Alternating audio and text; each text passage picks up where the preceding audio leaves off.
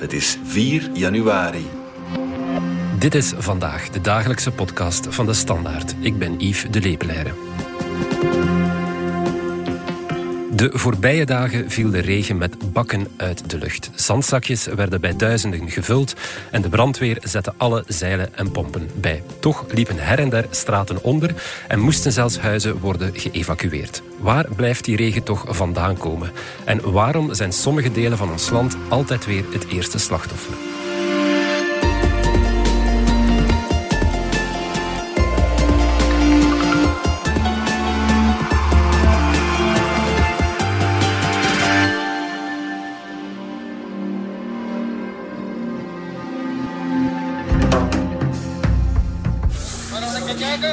Ik zie het, ik zie het komen, maar ik kan dat aan Elsa aan de, aan de Beverbeek ook laten afsluiten. Weet je kant van uh, Sint-Angelink, hè? Ja. Goed? Ja, jongens, Chabida, merci, hè. Jo, jo. Dus dat is de plekkers, dat is afspelaren. Oké, En de plekkers. De plekkers noemt dat. Is dat een straat? Is Ja, dat... de plekkersstraat. Oké, in die straat, wat is er daar nu mee aan het gebeuren? Ah, dus we gaan die nu, dus ja, deze nog overlopen. Dus wij kunnen er niks aan doen. Het enige dat we dat nu gaan doen, nu, is de straat volledig afzetten, dus dat er geen verkeer meer door kan. En de mensen? Zitten die daar nog in hun huis, ja? Eh, dat gaan we nu zien, maar dat gaan we samenspraken met de brandweer of dan moeten evacueren of niet. Oké. Ja. En het is ook niet dat je naar woningen zandzakjes aan het brengen bent. Jawel, jawel, maar te zien dat we kunnen, we kunnen niet volgen voor, eh, ik ben nu nog vol om bakmanschappen aan het oproepen. Om te komen helpen, om, omdat, omdat jullie niet kunnen volgen. Ja. Om uit te delen dan. Allee, kijk, je ziet hè. We, we laten één palet en ze, nemen ze direct allemaal mee. Ja, ja. Staat constant. Ik denk dat nu al zeven aan het oproepen hebben. Amber Janssens van onze binnenlandredactie, welkom. Jij bent er dinsdag op eh, uitgetrokken in de gietende regen. Je hebt je botten aangetrokken en, en bent naar Ninove geweest, hè, waar, waar er veel wateroverlast was. Wie hoorden we hier?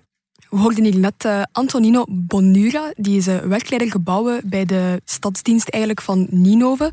Ik heb die aangetroffen in het stadsmagazijn van Ninove, waar hij met zijn collega's eh naarstig zandzakjes aan het vullen was. Het is te zeggen, zijn collega's waren dat aan het doen. Hij was aan het coördineren. Hij had een soort van walkie-talkie in zijn handen, waarmee hij eigenlijk hoorde waar er overal overlast was en naar waar paletten zandzakjes moesten vervoerd worden, want dat deden ze ook. En ja, dat stadsmagazijn, dat was eigenlijk de, de eerste plek waar ik aan dacht toen ik hoorde dat ik erop uitgestuurd werd naar de Denderstreek voor de wateroverlast. Want hoe begin je daar natuurlijk aan? Het was op veel plaatsen aan het overstromen in de namiddag, maar rond de middag was het nog niet echt ergens kritiek. Eh, maar mensen waren zich dus wel aan het voorbereiden. Aan dat stadsmagazijn stonden ze buiten te wachten op de zandzakjes die eh, de collega's van de technische dienst van de stad aan het vullen waren. Het was ook via Antonino dat ik uiteindelijk wist eh, waar ik naartoe moest met mijn regenlaarzen, die trouwens nog eh, in mijn koffer lagen van de wateroverlast in de Westhoek. En dat bleek de Plekkerstraat te zijn. Hij had daar eh, net gebeld met iemand van zijn collega's. Eh, hij was eigenlijk aan het facetimen en ik, ik zag dat op dat moment. En het water was daar echt over straat aan het stromen. Dus ik wist eh, dat daar de place to be was. Dus dat is wel de place to be momenteel. Ja, dus pas op als je, als je daar niet valt. Ja, ja, dat klinkt nog geraakt. Merci. Hè. Ah, geen probleem, hè. Maar een van de schrijnendste verhalen die je hebt opgetekend, dat was bij een eh, familie melkveehouders in de Walputstraat. Laten we even luisteren naar een eh, stukje reportage. Ah, het staat hier allemaal al op hoogte zelfs. En hier binnen liggen de zandzakjes ook al. Oei, oei, man.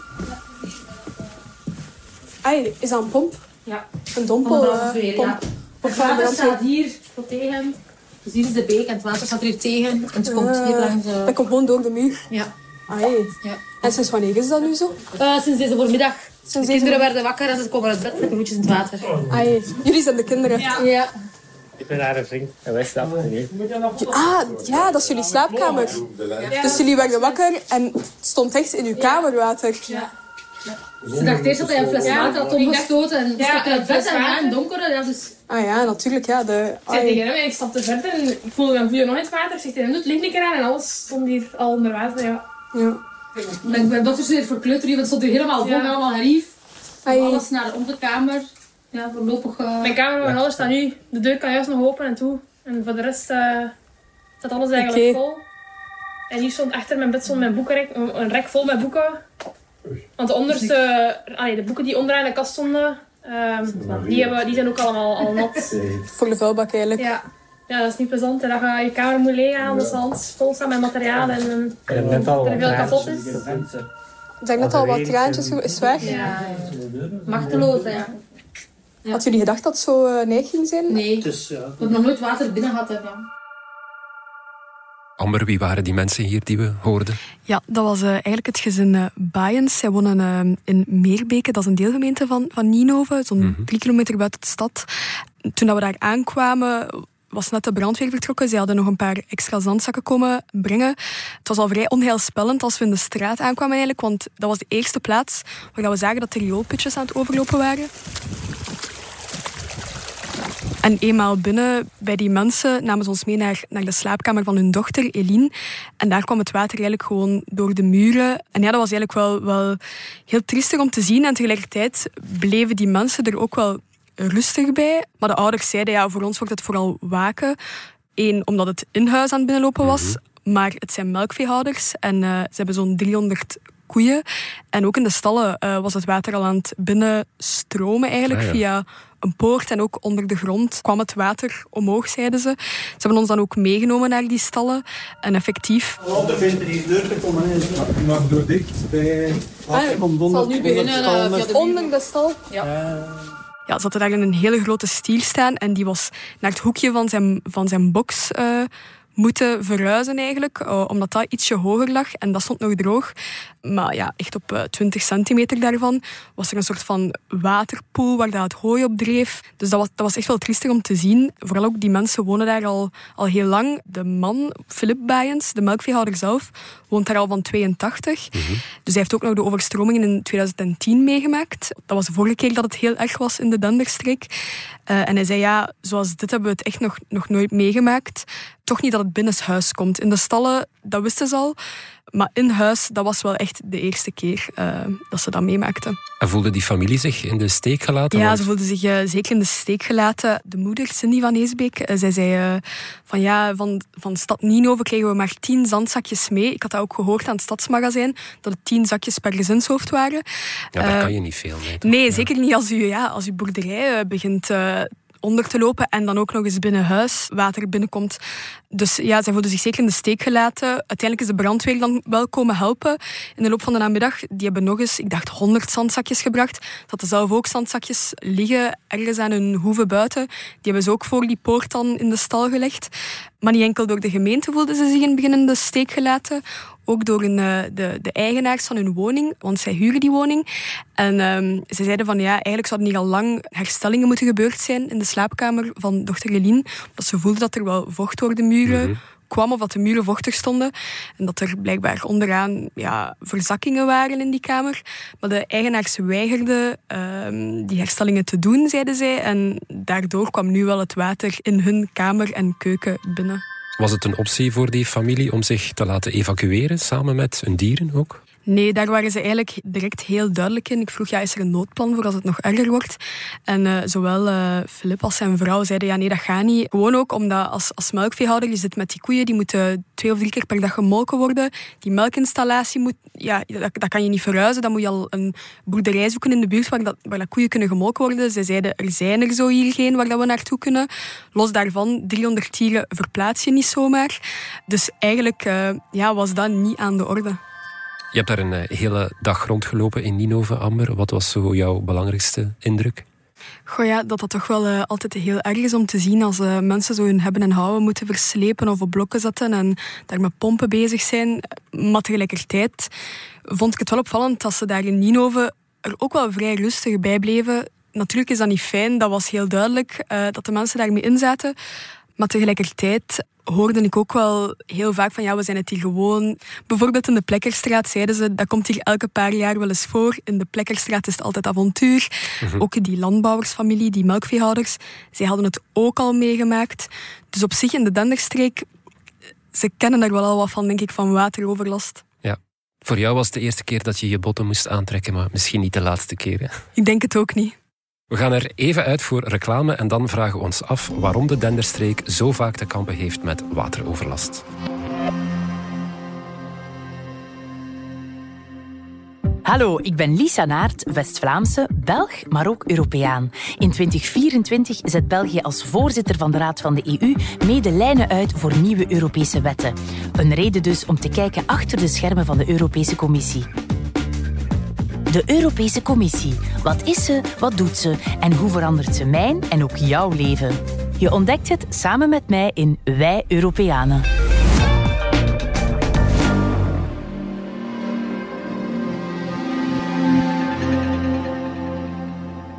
Tom Isbaert van onze wetenschapsredactie. We hebben er jou ook even bijgehaald, want als het te droog of te nat is in Vlaanderen, kloppen we wel vaker bij jou aan.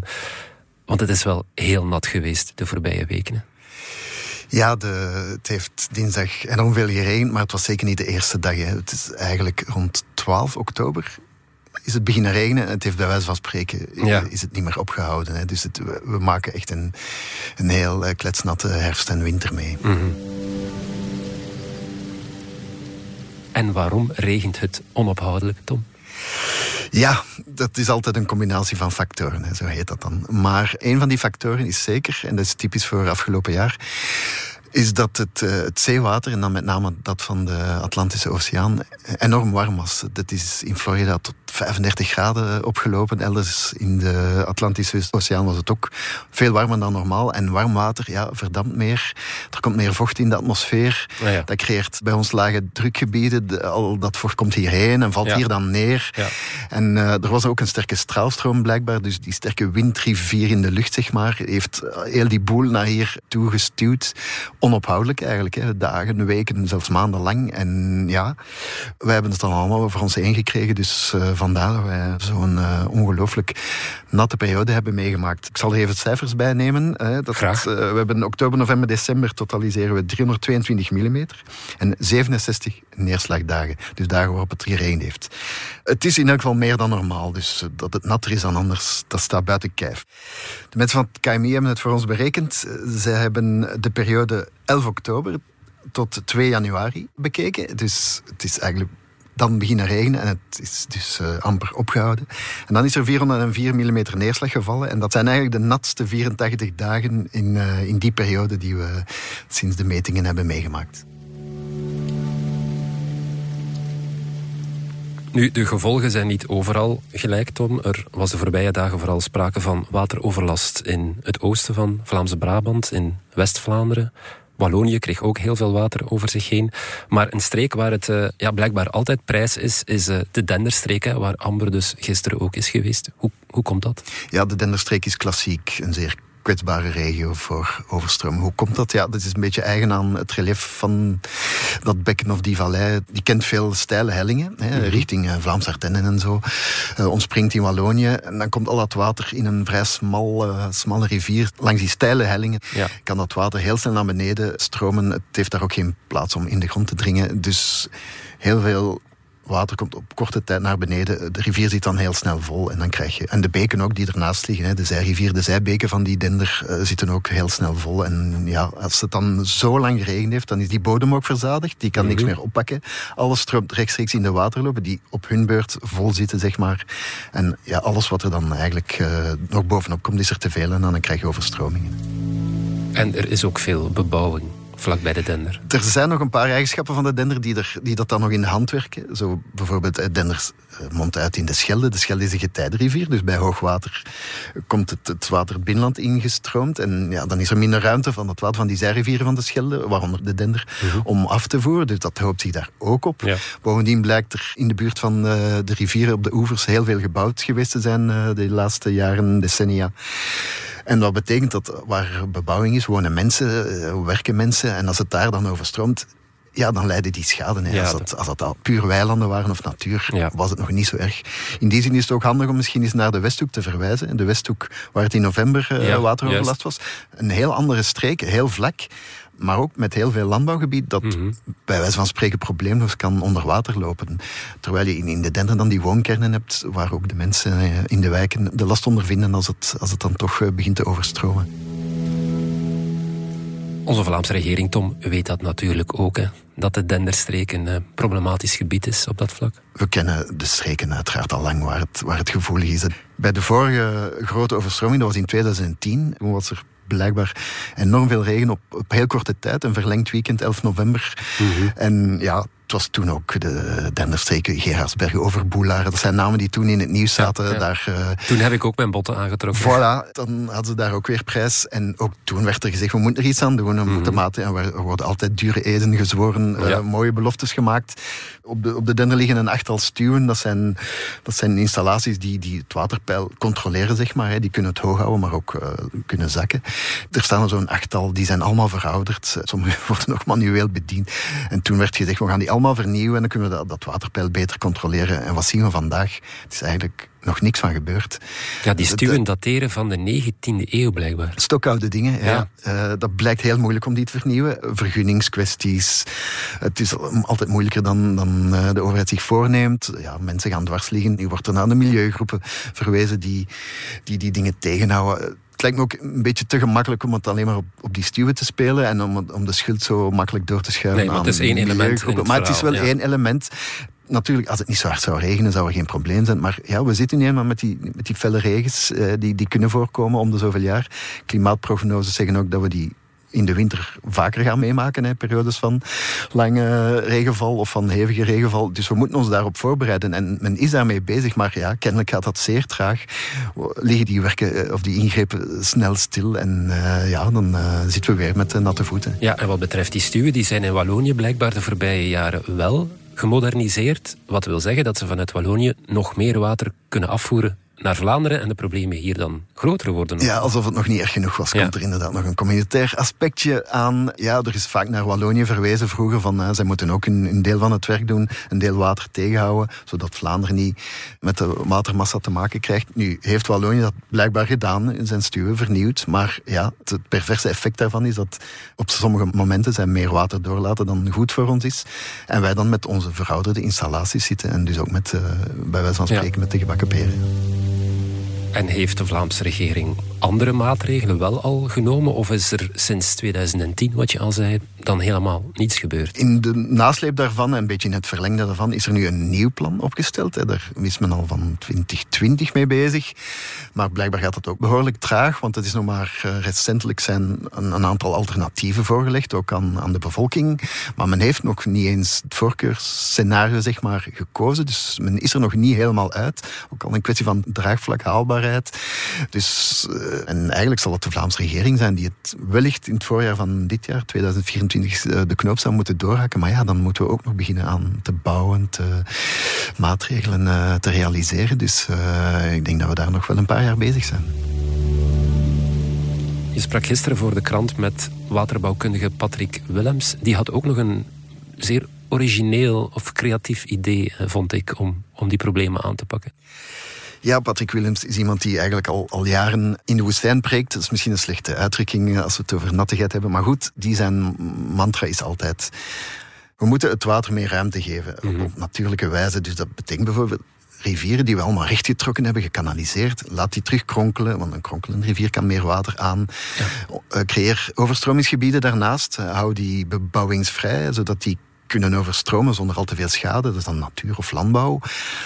En zodat we niet altijd moeten onze toevlucht nemen tot, tot, stuwen, tot wachtbekkens, tot, tot harde betonnen constructies. Hè. Dat is zo het nieuwe inzicht dat gegroeid is van laten we het meer op een natuurlijke manier uh, toepassen. En een van die dingen die ook altijd suggereert is, hou het water zo hoog mogelijk op, zowel stroomopwaarts en ook hoger op de plateaus langs de valleien. Als je belet dat het vandaar naar beneden stroomt, ja, wordt, wordt, ja, wordt die massa wat kleiner, kun je dat over de tijd spreiden en tegelijk uh, laat je het water uh, verzamelen voor in het geval dat er uh, droge periodes aankomen. Want laten we niet vergeten, daar hebben we de laatste jaren ook ons deel van gehad. Dus als we water hebben, bewaar het op, op, op, op een zo natuurlijk mogelijke manier. Maar telkens blijkt dan weer dat het toch allemaal makkelijker gezegd dan gedaan is. Want je moet daar de bestemming veranderen, grondeigenaars teleurstellen. Hij noemde dat een cascade van terrassen aanleggen. Ja, je zou bijvoorbeeld uh, hogerop op de plateaus een aantal ja, punten creëren, plekken creëren waar het water eventjes zich kan verzamelen en, en kan blijven ja. liggen. En als je dat op verschillende plekken doet, krijg je zo... Ja, hij noemt dat dan een cascade van terrassen. Mm. Ik vond, dat is een heel mooi beeld. En ik kan er iets bij voorstellen. En als je dat mooi aanpakt, kan dat misschien nog een... Een heel mooi beeld, maar... Een toeristische trekpleister. Ja, makkelijker gezegd dan gedaan, Maar inderdaad makkelijker gezegd dan gedaan. Tot slot, wat denken jullie? Dit was niet de laatste reportage over wateroverlast, al zeker niet in de Denderstreek, vrees ik. Nee, want het is niet alleen de Dender. Hè. De, de Leie heeft er ook van, de Schelde had er ook van. Uh, denk maar terug aan de Westhoek een paar mhm. weken terug. Wallonië, niet, niet vergeten, we hebben daar die catastrofe meegemaakt 2021 in de Vestervallei. Maar Wallonië had, heeft de laatste dagen ook met de kritiekfases geflirt. Dus het is ook een realiteit. Hè. En, en, er zal droogte komen, er, zal, er zullen periodes van overstromingen komen. Het wordt allemaal wat extremer. Ja, we zullen ons daar zeker moeten op voorbereiden en mee leren leven en mee omgaan. Ik denk uh, dat ik mijn uh, regelaarzen best nog even in uh, de koffer laat liggen. Zeker doen, Amber. Tom en Amber, dankjewel. Graag gedaan. Graag gedaan.